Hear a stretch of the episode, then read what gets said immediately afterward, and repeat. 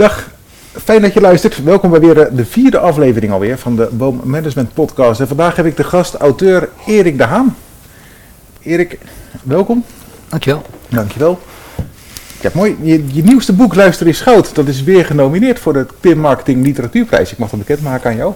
Gefeliciteerd. Ja, ik hoor het net van je. Ja, Wat een, eh, wat een mooie verrassing. mooie verrassing. Ja, zeker omdat gewoon luisteren, eigenlijk is luisteren in de kern iets wat marketing, wat marketeers eigenlijk zouden moeten omarmen. Maar ik had begrepen dat het toch wel, eh, ook wel een, nog een, eh, een lastig item is om dat onder marketing als het ware te schuiven. Maar kennelijk is dat toch als marketingboek nu zeg maar eh gehonoreerd. En mooi dat het genomineerd is. Ja. Ja.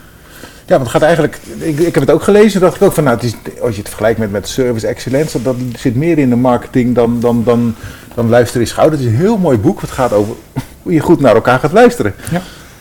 Waarom ben je dat gaan schrijven? Waarom ik ben gaan schrijven? Ja. Omdat ik me eigenlijk al eh, vanaf dat ik zeg maar, met dit onderwerp, eh, klantwaardemanagement of klantbeleving, ik noem het inmiddels klantgevoeligheid, dat vind ik een mooiere term, dat je gevoeliger kunt zijn voor de ander, waardoor je een betere relatie kunt eh, ontwikkelen met de ander. Ehm, sinds ik met dat onderwerp bezig ben, klantgerichtheid of klantgevoeligheid, dat speelt luisteren gewoon een, een fundamentele rol. Ja. Dus je moet eigenlijk beginnen met luisteren om überhaupt te kunnen ontdekken wat de behoeften, wensen, verwachtingen van een ander zijn, om daar volgens op in te kunnen spelen. Dus in die zin begint een- zo'n onderwerp als klantbeleving eigenlijk met luisteren. Dus luisteren speelt eigenlijk een rode draad in, de, in, in het, zeg maar, de thema's die ik heb, eh, heb opgepakt de afgelopen 20, 25 jaar. Ja, dus, dus luisteren naar de klant, luisteren naar elkaar, luisteren. Luisteren als organisatie, hoe kun je luisteren organiseren? En Ja, dat dat, speelt- dat is interessant. Van, van, ja, luisteren, organiseren. Dat klinkt een beetje. Hoe doe je dat dan? wat klinkt een beetje wat? Een beetje, een beetje, een beetje als een vaag proces. Denk je. We gaan, Oh. ik, had, ik hoor het echt zoals zo'n marketingcreet, als zo'n managementcreet. Mensen moeten nou luisteren, beter gaan organiseren. Ja. En dan kan ik me voorstellen dat je dan als medewerker in zo'n zaal zit en denkt van ja, dat is wel, wel mooi. Dat, Ja. dat vind ik ook, maar hoe dan? Ja. Hoe je dat organiseert? Ja, hoe je dat organiseert. Ja, dat is natuurlijk een, een, een, het is een, eigenlijk een complexe aangelegenheid. Ja. Want het, een, een, een organisatie is een complex fenomeen. Ja. En als je als organisatie wilt luisteren en ook wilt blijven luisteren, dan moet je dat in de organisatie organiseren. Dan moet er eigenlijk een soort luisterbeleid zijn. Dan moet een luistercultuur worden, worden gevoed. Dan moet er een luisterarchitectuur zijn. Dat de processen in die zin ook zijn ingericht zodat de organisatie permanent in contact blijft met de buitenwereld en sensoren als het ware installeert in een organisatie, waardoor ze steeds weer kan blijven luisteren. En niet één keer, maar gewoon continu. En dat is dan in mijn beleving luisteren organiseren. Ja. ja, dus dan moet je dan mensen ook op luistertraining sturen of zoiets? Of, of, of- Ja, dat, natuurlijk is dat misschien een onderdeel daarvan, maar je moet het misschien beginnen met het feit dat je, dat je onderkent hoe belangrijk luisteren überhaupt voor een organisatie is, voor jouw organisatie is, en vervolgens dat je ook onderkent ehm, wat de blokkades zijn die überhaupt als het ware zijn, maar de, de, de, de, ja, de, de, de drempels die je als organisatie überhaupt hebt ingebouwd van nature, omdat je met elkaar bezig bent en met je eigen doelstellingen bent, waardoor je misschien niet optimaal kan luisteren. En naar de klant luisteren dan? Naar de klant luisteren, Ja. naar, naar, naar de buitenwereld luisteren, naar de Ja. klant luisteren, naar misschien potentiële klanten luisteren. Ja, precies. En wat, wat, wat, wat is goed luisteren dan? Goed luisteren is dat je vooral ehm, de ander belangrijker maakt dan jezelf. Dus je eigen, eh, je eigen eh, agenda even probeert schoon te vegen en helemaal blanco eh, in staat bent om te kunnen luisteren. Ook naar misschien de dingen die je misschien niet had willen of zou willen horen. Ja. En wat, moet je, wat kan je daar dan mee bereiken? Ja. Terwijl wij luisteren horen zijn er buiten, buiten, ik zeg het, er zijn buiten eh, allemaal bomen worden er omgezaagd. Dus wellicht dat je dat hoort als luisteraar. We kunnen er e- erg weinig aan doen. Want de ramen zijn dicht zo te zien hier. Ehm, ja, ik- gaan we gewoon door denk ik. Ja, Wat was je vraag? ja daar ben ik nou ook alweer vergeten zelf. Oh, wat levert het op, Ja, luisteren? dat heeft het leven luisteren op. Ja. Ja, maar dat levert uiteraard verbinding op. Dat je gewoon ontdekt zeg maar, wat er speelt bij de ander, de verwachtingen, behoeften, wensen van de ander. En als je die echt, als je daar naar kunt luisteren en als je die kunt ontdekken, dan kun je daarop inspelen. En dan kun je een relatie sterker maken, de relatie bestendigen, de relatie voeden. Dus het levert enorm veel op. Ja. Het levert daarmee ook een vertrouwensband op, omdat de ander zich gehoord voelt en gezien voelt. Dus in die zin, heb het ook niet voor niets de titel gegeven, luisteren is goud Ja. levert luisteren stiekem veel op. En ik zeg stiekem omdat vaak luisteren als iets heel erg ja, obligaat wordt, eh, wordt gezien. Ja. Tegen mijn kinderen zeg ik wel eens van, je moet naar me luisteren. En dan bedoel ik eigenlijk, je moet doen wat ik zeg. Mhm. Maar is dat wat je, wat je ook bedoelt in je boek? Of? Nou, en ik maak een indeling in horen, luisteren en gehoor geven. En horen is, Dat is een mooie. je hoort altijd. Als er geluid is van buiten, dan kun je niet niet horen. Want je, althans, als je niks aan je oren mankeert, dan hoor je in principe altijd. Het is gewoon zintuigelijk. Horen. Ja. Luisteren, dat vraagt om een soort verhoogd bewustzijn. Een soort mindset. Dan wil je echt gewoon weten wat de ander jou vertelt. Dat is actief, zou je zeggen. Eh, vraagt om een, eh, eh, wat ik zeg, een verhoogd bewustzijn. En gehoor geven is dat je als het ware opvolging geeft aan hetgene naar wat je geluisterd hebt. Dus als jij je kinderen zegt, luister naar me, dan zeg je eigenlijk, geef gehoor aan mij. Ja. Maar dat is niet iets wat je naar je klanten wil. Dat is eigenlijk andersom. Je luistert naar je klant om gehoor te geven aan wat je aan je Exact. klanten... Exact, Ja. exact. Klopt. En dan moet je dus gewoon, daar moet je dus wel actief mee bezig zijn. Niet zomaar wat fladder op, opvangen, maar echt gewoon erbij stilstaan, ruimte maken, eh, te kunnen verdiepen in hetgene wat je hoort, doorvragen, verdiepende vragen stellen. Ook de, zeg maar, de stemming achter de stem horen, de emotie onder hetgene wat feitelijk gezegd wordt. En daar eh, zit dan zeg maar het goud wat je op die manier kunt delven. En dan ehm, kom je als het ware in verbinding met hetgene wat daar speelt en leeft. En dan heb je echt geluisterd en niet gehoord. ja, precies. En dat noem je ook in je boek, noem jij dat verdiepend luisteren, Ja, toch? Zeker. En dan Ja. heb je een theorie bij, de theorie U. De Ja, theorie U. Theory U van Otto Ja. Niet mijn theorie. Nee, is niet jouw theorie. Nee, Zeker nee. niet. Er zijn hele dikke boeken over geschreven. En dat vind ik zelfs zo, sowieso een fascinerende theorie. Die ik geloof ik bijna vrij bij al mijn boeken die ik geschreven heb. Ja, komt- ik, zie, ik komt, zie hem- ik eh, zie hem overal zie ik het terugkomen. klopt. Ik zie hem ook over terugkomen. Dus kennelijk heb ik daar wel heel, heel veel mee. En heeft dat ding heel veel met mij. Ehm, ja, die U is gewoon een heel mooi universeel symbool van ja, de U van verdieping zoeken. En vanuit die verdieping eh, een soort eh, nieuw, een nieuw, eh, eh, ehm, ja, een nieuw antwoord vinden. Of een, of een, een, een, ja, een nieuw inzicht ontvangen. En in die zin is die U voor mij heel eh, ehm, visueel handig. Omdat die iedereen kan gebruiken om zeg maar, dat verdiepende luisteren op die manier eh, in die U te plotten. Dus het, het geeft mij een soort visual om zeg maar, die verdieping in luisteren eh, te, te visualiseren. Ja. En dan heb je zo'n U. Ja. En je begint dus, maar, maar, maar hoe, hoe, hoe werkt dat dan precies? In de, met, met, eh, met, met naar luisteren, je zegt de verdieping, die, die zie ik wel, dat zit onderin die U. Maar wat is dan de ene uiteinde en de andere hoge uiteinde? Ja, nou, het andere ooguiteinde speelt eigenlijk nog geen rol. Het gaat maar om, om de linkerkant van de U. Ja. Daar speelt voornamelijk het luisteren een belangrijke rol. En de kunst is om als het ware niet te snel over te steken naar de uitkomst die wellicht aan de andere kant gloort. Maar om aan die linkerkant te blijven. Want daar speelt het luisteren zich af. En dan onderscheid ik daar als het ware vier niveaus. Eh, eh, open space noem ik dat. Er moet een ruimte zijn om te luisteren. Er moet stilte zijn. Ehm, je moet gelegenheid hebben. Je moet je psychologisch veilig voelen om, zeg maar, om naar je geluisterd te worden. Dat is eigenlijk fase 1. Heb je open mind. Dat je hoofd als het ware leeg is. Dat je hoofd even op stil wordt gezet. Dat je als het ware in je hoofd een ruimte hebt om de ander echt te ontvangen. Jezelf opzij schuiven en de ander als het ware de boventoon te laten voeren. Dan heb je open hart. Dat is dat je echt achter de, achter de woorden kunt luisteren. De emotie, de persoon achter de woorden kunt zien. De stemming in plaats van de stem. Empathisch luisteren zou je kunnen zeggen. En uiteindelijk heb je open will. Dat is maar generatief luisteren. Dat is maar het diepste niveau in de U. Zit je als het ware onder in de U. En dan zou je kunnen zeggen, dan hoor je wat gehoord wil worden.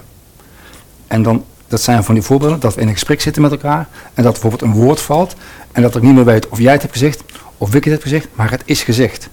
En dan is het ware een soort in onze dynamiek en dialoog als het ware iets ontstaan uit die diepte van het luisteren. Ja, En dat is dan zeg maar, het ultieme verdiepend luisteren, zou je kunnen zeggen. ja, precies. Dan hoor je wat gehoord wil worden. Dat is een mooie, die kan zo in het boek met de quotes, denk ik dan. eh, Misschien staat ander boek, maar dat, dat, dat, maar dat, gaan we het zo misschien nog wel even over hebben. Eh, maar wat, wat gehoord wil worden, dat betekent niet dat je hoort wat, het het is expliciet anders dan horen wat je wil horen. Het, eigenlijk het ongehoorde horen. Ja, daar hebben we een hele mooie televisiezender voor in Nederland tegenwoordig. Ja, precies. Maar- Maar, die spe- ja. Dat is een ander verhaal. wat, wat, maar wat, wat wou je daarover zeggen? Nou ja, het, dat, dat, dat, zeg maar, onder in de U, dat vind ik ook heel mooi. Dat, zeg maar, dat is dat je de, zeg maar, de, de innerlijke stem van de ander naar wie geluisterd wordt, dat je die kunt versterken. Dus de ander komt als het ware tot inzichten in zichzelf, omdat er naar hem, hem of haar wordt geluisterd, waardoor hij, hij, of zij zijn of haar innerlijke stem als het ware naar boven kan halen. En dan luister je als het ware naar potentie. En dat vind ik heel mooi. Dan kun je als het ware door echt diepgaand te luisteren, door verdiept te luisteren, kun je als het ware potentie als het ware ontdekken, verwoorden. Ja, de potentie in een ander. Van Ja. In zijn groei of, Ja, of, of de potentie in een relatie, of wat dan ook, of een antwoord, of een oplossing, of een inzicht. Maar dat in ieder geval, de potentie die, die wordt dan zichtbaar. Ja, Als je echt de tijd en de ruimte en nou, al die vier niveaus af, afwandelt, zeg maar, om die diepte in, die, in dat gesprek en de diepte in de ander en de diepte in, zeg maar, in, de, in het luisteren te vinden. ja, ja, precies. En heb je dan ook een soort lu- luisterdoel of zo? Kijk, vaak als mensen een gesprek ingaan, dan hebben mensen gespreksdoelen. Ja. En dan wil ik graag, maar dat betekent dat je aan het woord wil zijn en dan een, een of ander doel wil bereiken in je gesprek. Heb je Ja. dan ook zo'n doel met luisteren, dat je een luisterdoel hebt? Of, Nee, het luisterdoel is juist een blokkade om te luisteren. ja, Dan ben je als het ware aan het, een, antwoord aan het zoeken, zoeken, een oplossing aan het genereren, dan wil je iets fixen. En het is eigenlijk een blokkade om te luisteren. Dus eh, op het moment dat je een luisterdoel hebt, dan ben je, dan ben je eigenlijk aan het sturen richting een, richting een uitkomst. En dan ben je eigenlijk niet aan het luisteren, dan ben je aan het interviewen. ja, Ook niks mis mee, maar het is niet echt open luisteren. Dan ben je meer aan het sturen. ja, Dan wil jij als het ware als interviewer sturing geven aan het gesprek. ja, precies. En dan mag niet ontstaan wat misschien gehoord wil worden. Nee, nee, ik ben nou natuurlijk ook aan het sturen in het gesprek. Enigszins. Zijn, enigszins. En zijn er dan, heb je dan nog meer van die blokkades, van luisterblokkades? Wat, Ja. Misschien lawaai, we hebben net eh, ja, precies. meegemaakt. Dat is, meer, dat is meer een fysieke blokkade om zeg maar, te, kunnen, te kunnen horen. Ehm, ik heb er vijf eh, eh, eh, blokkades in mijn, in mijn luisterboekje beschreven. En die noem ik dan ontluisterend. Ontluisterend, Ja. dat is wel een mooie term. Ja. De eerste is eigenlijk gewoon, of gewoon, dat is misschien wel de meest heftige blokkade, is dat het over jezelf wil, wil gaan. Dus mij in plaats van jij. Dus de, de ander vraagt iets en hij vertelt wat en de ander neemt het verhaal over. Van, oh ja, dat, dat ken ik en dan komt hij of zijn verhaal. Daarmee overstem je als het ware de ander en neem het verhaal over. En dat noem ik dan eigenlijk eh, gewelddadige communicatie. Want je doet als het ware het gesprek en het luisteren geweld aan, zou je kunnen zeggen. Een tweede blokkade is dat je eigenlijk geen zin hebt om te, lu- om te luisteren, geen tijd hebt, je, moet weg, je hebt andere dingen, je hebt veel aan je hoofd. Nou, dan ga je toch luisteren, maar dan luister je als het ware met een half oor of eigenlijk helemaal niet. Dan kun je beter zeggen, kom nu niet uit, zullen we een andere keer een afspraak maken. Gewoon een beetje eerlijk zijn. Ja. Het kan ook zijn dat je je aangesproken voelt in een gesprek, dat je elke keer denkt van, hé, hey, weet je, het gaat eigenlijk over mij, ik hoor misschien kritiek. En dan gaat het ook weer over jezelf, dus dan ben je jezelf zelf misschien een beetje aan het verdedigen terwijl je aan het luisteren bent. Ja, precies. Dus dat bedoel je, dat voel ik als luisteraar, Ja. degene die moet luisteren, voel ik kritiek. Precies. Ja, ja, ja, precies. Precies. Ja. precies. Ehm, je hebt uiteraard allemaal last van je eigen bubbel. Eh, Je hebt je eigen bubbel en je eigen eh, dingen die, je, die, die bekend voor je zijn. En dan dingen die onbekend zijn, die passen niet in die bubbel. Dus dan, met die bubbel kleur jij het luisteren. Waardoor je dingen hoort die niet gezegd worden. En misschien dingen die gezegd worden niet hoort. Dus dat is ook een flinke blokkade. En de laatste is, heb over dat, dat is het fixen. Dat je snel naar een antwoord wil. Ja. Wat jij moet doen is, je moet dat boek eens een keer lezen. Of Ja. wat, wat goed zou zijn is, en dan ben je als het ware naar een oplossing aan het vertrekken. En dan ben je als het ware over het luisteren heen aan het stappen. ja, precies. En dat is allemaal blokkades die als het ware het luisteren eigenlijk onmogelijk maken zou je kunnen zeggen. Of in ieder geval bemoeilijken. Ja. Vooral zo'n laatste blokkade, of, of, hè, dat je gaat zoeken naar oplossingen. Misschien eigenlijk die andere blokkades ook wel. Pas als ik eh, als je managers en leiders in organisaties hebt, die zijn nogal vaak van, hey, moet je dit maar eens gaan doen, moet je dat maar eens gaan doen. Klopt. En in jouw boek heb je ook een hele paragraaf erin, eh, als- van, van baas naar luisterende leider volgens Klopt, mij. klopt. En hoe, dat is misschien wel interessant, hoe word je dan een luisterende leider? Van, van, van een misschien een autoritaire baas naar een luisterende leider? Ja, dat is ook een hele flinke stap die ja, nee, eh, dat, dat kan misschien niet in één keer, maar in Nee. kleine, kleine stapjes. Of, Nou ja, met, met, met het bewustzijn dat je gewoon misschien mensen niet altijd verder helpt. Door altijd maar weer gewoon de oplossing aan te dragen, de antwoorden te geven. Jij bent niet degene die altijd de antwoorden moet geven. Je bent misschien degene die de ander moet faciliteren, de ruimte moet geven om zijn of haar eigen antwoorden te vinden. ja, Dus niet constant degene zijn die het slimste jongetje van de klas is, die altijd de antwoorden paraat heeft, die oplossing moet aandragen. Juist niet, want hoe meer je zelf als baas de oplossing aandraagt, hoe minder als het ware mensen zelf creatief gaan worden. Ja. En dan ben je dus geen luisterende leider, dan ben je meer een soort eh, ja, autoritaire leider, zeg maar. Ja, de, man, de vrouw die alles weet. ja. En niemand weet alles. Nee. In je boek schrijf je van de, de omslag van baas naar luisterende leider vraagt om dienstbaarheid voor waar de organisatie om vraagt. Ja, Om het geven van ruimte en vertrouwen aan medewerkers om te ontginnen van de collectieve intelligentie. Ik denk, dat is een beetje zelfsturing. Faciliteren. Wat is, er, wat, wat is er mis mee? Nou, niks. Nee, er is, nee, er is niks mis mee. Nee. En maar dat is wat je met Ja. luisteren, lu- dat is met je luister, wat je met luisteren ontgint. Als je dus die ruimte creëert. En dat is met, wat, je, wat je met alleen maar antwoorden en oplossingen aandragen gewoon teniet doet. Als je dat alleen maar in de antwoorden en oplossingssfeer eh, eh, je, me- je medewerkers bedient. Ja. Dan maak je ook een beetje monddood en Ja, geestdood. En daarom heb ik die omslag zo omschreven van... Hoe, hoe, hoe zeg je dat? Staat er? De omslag van baas naar luisterende leider vraagt om dienstbaarheid voor waar de organisatie om vraagt. Ja, dus van bazig naar luisteren. Ja, precies. En waar de organisatie om vraagt. Dus weer luisteren naar dat wat gehoord wil worden. Zeg ik Precies. het goed? Ja, hè? Ja. precies. Ja. En luisteren vanuit het hogere doel, wat een organisatie voor ogen heeft. En vanuit die, dat hogere doel wil je als het ware ook medewerkers als het ware eh, mobiliseren, eh, inspireren. En dus niet alle antwoorden aan te dragen, maar ze als het ware te betrekken bij dat hogere doel. Ja. Dan moet je ook luisteren. Van twee kanten. Luister naar het hogere doel en luister naar wat je medewerkers daarin te vertellen hebben. ja, precies. En tegelijk moeten die medewerkers ook weer een beetje ook weer luisteren. Ja. Valt hij af? Nee, gaat hij nou achter je oor? Oh. Anders moet je vasthouden. Ja, Alvast. dat halen we er even tussenuit.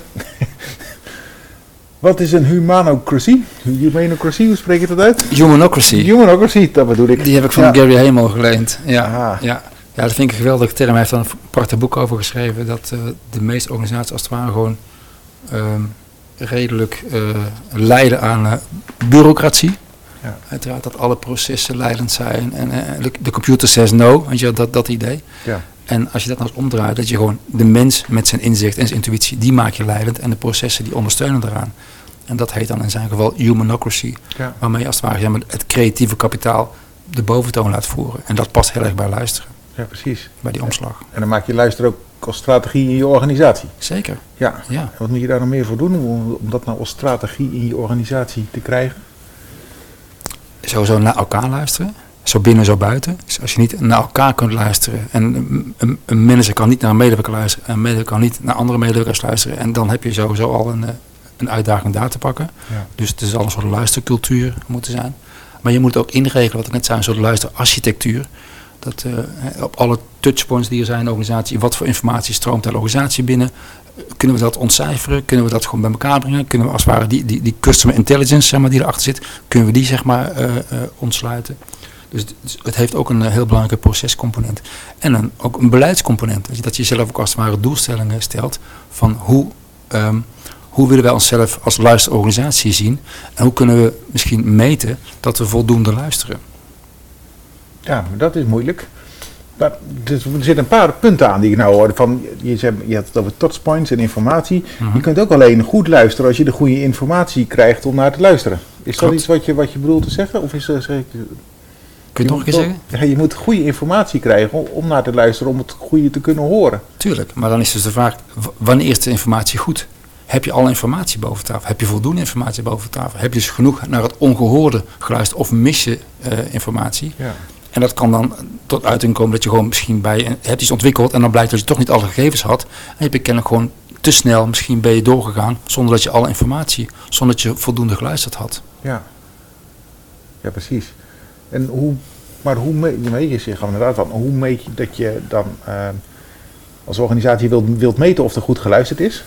Nou, even heel simpel. Je zou bijvoorbeeld aan je, als je, als je klanten, eh, klantenonderzoek doet, misschien wel op, eh, op customer journeys of überhaupt op de relatie, dan zou je gewoon zo'n vraag kunnen bouwen. Vindt u dat wij, dat wij voldoende naar u luisteren? Voelt u zich gehoord als u in contact komt met onze organisatie?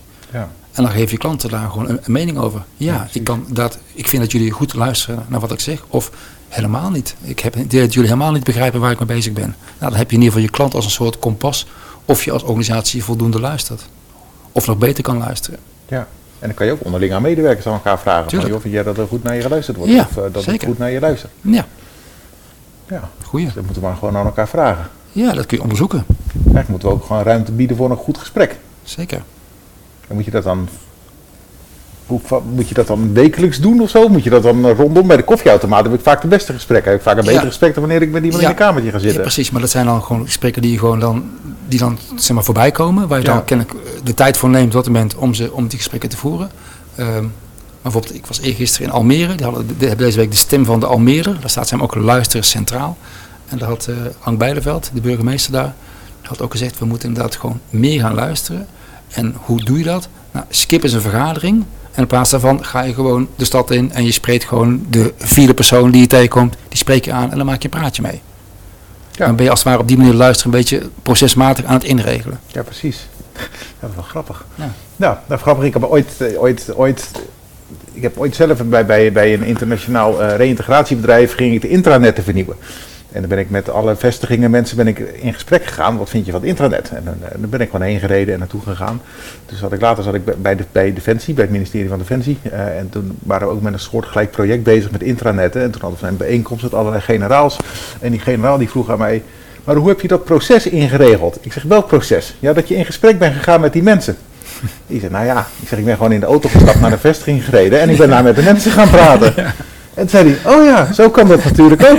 Om vervolgens tegen een of andere officier te zeggen die er zat, wat doe jij hier nog? Moet jij niet naar de vestiging en mensen gaan praten? Dat was best wel grappig, maar ik denk, soms moet je, maar moet je het niet gewoon ook om te luisteren gewoon gaan praten, eigenlijk. Tuurlijk, maar soms moet je wel in beweging zitten. Ja. En zo'n Ank Bijleveld, die zit dat, die dame in beweging. Die zegt, jongens, laten we dat nou gaan doen. Skip een vergadering en ga eens luisteren. Ja. En dan zou je na een maand kunnen vragen, en heb je nog deze maand misschien eens een keer een vergadering geskipt? En zo niet, waarom niet? En dan ga je daarop reflecteren, dan ga je spiegelen. En dan wordt het misschien een proces. Ja, maar dat is ook wel reflecteren en spiegelen. Dat is ook, hoort er ook bij. Ook naar jezelf reflecteren van ben ik zelf wel goed? Ja. Hoe kan je voor jezelf nou bepalen of je zelf nou een beetje goed aan het luisteren bent? Nou, ik heb in een workshop van mij heb ik zo'n oefening dat je op het einde kun je een soort luisterbelofte kun je, eh, formuleren voor jezelf. En die kun je dus formuleren vanuit zeg maar, de positieve dingen. Wat luisteren luisteren maakt. Dan kun je een aantal luisterbeloften op formuleren of een aantal luisterblokkades kun je formuleren. En als je, die, als je daar een soort persoonlijke luisterbelofte van maakt, dan kun je jezelf uiteraard daar elke maand even op toetsen. Of je kunt eh, een collega vragen of een bekende vragen. God, ik heb deze luisterbelofte deze maand, heb ik willen volgen. Vind je dat ik een beetje daaraan voldoe? Herken je dat in mijn verandering of nog niet? Nou, op die manier kun je die luisterbelofte gebruiken om eigenlijk jezelf erop te laten spiegelen. Ja, Bijvoorbeeld zo'n luisterbelofte, ik onderbreek, ik ga minder andere mensen onderbreken als ik naar ze luister. Dat kan zo'n belofte zijn. En dan kun je iemand anders vragen, merk jij iets aan mij als ik naar je luister? Onderbreek ik je misschien minder of, min, of nee, dat doe je misschien eigenlijk veel meer. Oké, dan ben je misschien niet zo goed bezig. ja nee, precies.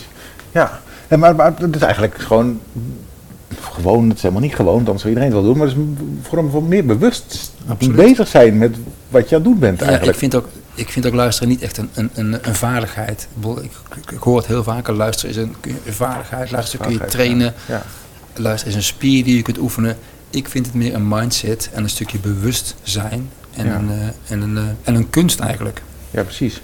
Maar toch heb je een hoofdstuk beter, leren, be- beter luisteren in je, in je boek met Ja. methodes en dingen. Jawel. Ja. Maar je kan het wel leren, maar het is in principe, eigenlijk iedereen kan luisteren. Eigenlijk kunnen allemaal dat.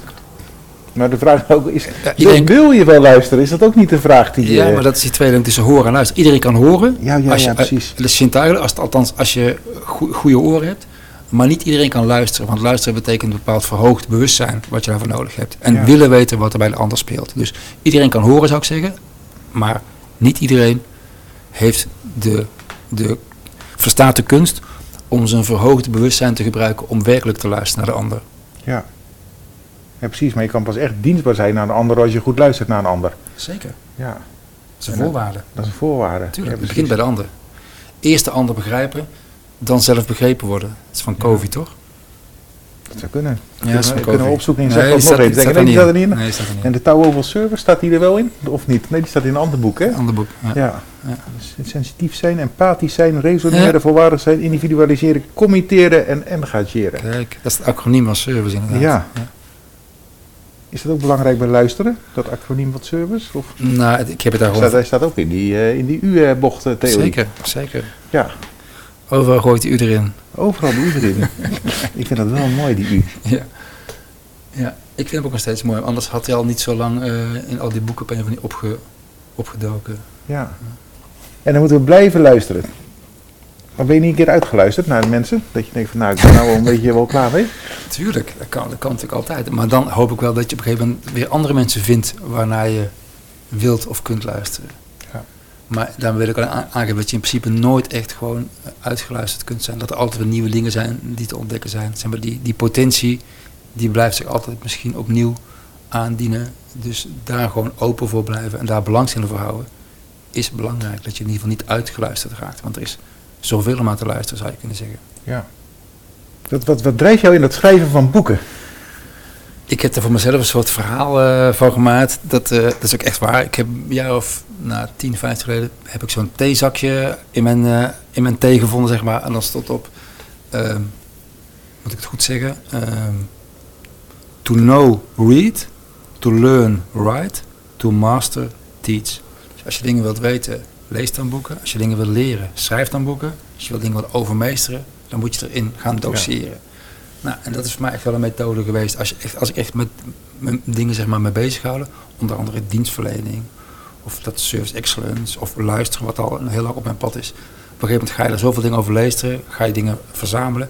En dan wil je dingen ook zeg maar, doorgronden, begrijpen. En dan ga je dingen bij elkaar zetten. En uiteindelijk zeg je, misschien moet ik er een boek over schrijven, want dan verdiep je daarmee je ja. kennis.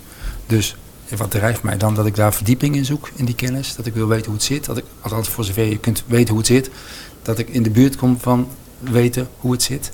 En dan schrijf ik het op.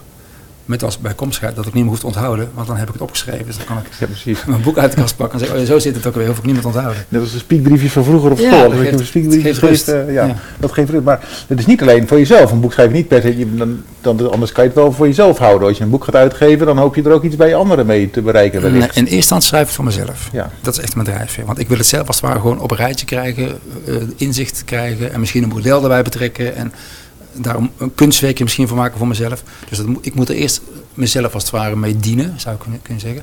En vervolgens, als iemand anders dat misschien ook dan kan gebruiken, dan is dat alleen maar mooi meegenomen. Maar ik schrijf het niet in eerste instantie voor een ander. Ik moet Nee. het eerst voor mezelf als het ware kunnen, kunnen legitimeren, zeg maar. Ja. Wat is, vind je zelf je mooiste boek? Mijn mooiste boek. Ja. Ja, wat, wat doe je met mooi? Je, ze zeggen altijd, met laatste werk is altijd, ja, dat vind ik allemaal zo. Nee, ik vind dat Touw van Service boekje vind ik wel grappig. Oh, dat heb ik wel, eh, Ja. daar ben ik wel enigszins blij mee. Ja. En ik vind het laatste boek, eh, luisterboek, vind ik ook niet verkeerd. Nee. Ja, ik vind zelf ook, dat, dat klopt ook niet verkeerd. Ik vind zelf een heel mooi boek. Is, eh, die, die, is, is dat, ik vind dat boek met die quotes ook zo mooi, omdat Ja. ik zelf zo'n fan ben van quotes. Het is Ja. Meestal, soms sla je met een quote die is heel erg plat. Maar soms kan je, er ook, kan je er ook heel diep over nadenken, over, Ja. Eh, over quotes. Maar je hebt allerlei thema's ook. Hè. Zijn dat, je hebt dat, dat boek is ongeveer allerlei thema's. Eh, Ja. zijn dat ook verandermanagement, integraal werken? eh, zie ik even voor, voorbij, ik zit erheen te bladeren.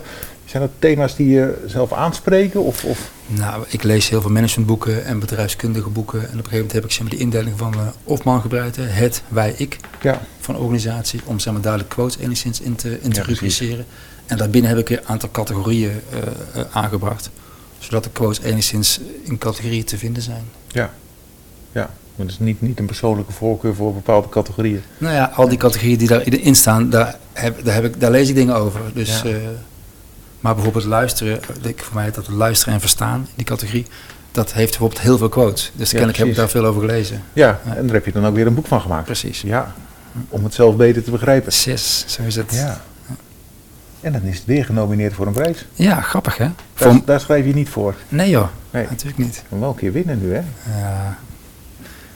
Ik weet niet of eh, zo'n zo'n TRU-achtig luisterboek, of dat zeg maar echt de marketingprijs gaat winnen. Maar ik vind het sowieso al heel grappig en heel leuk ook dat het überhaupt genomineerd is. Zeker weten. Ja. En het is ook echt een mooi boek om te lezen. En luisteren, dat is wel iets...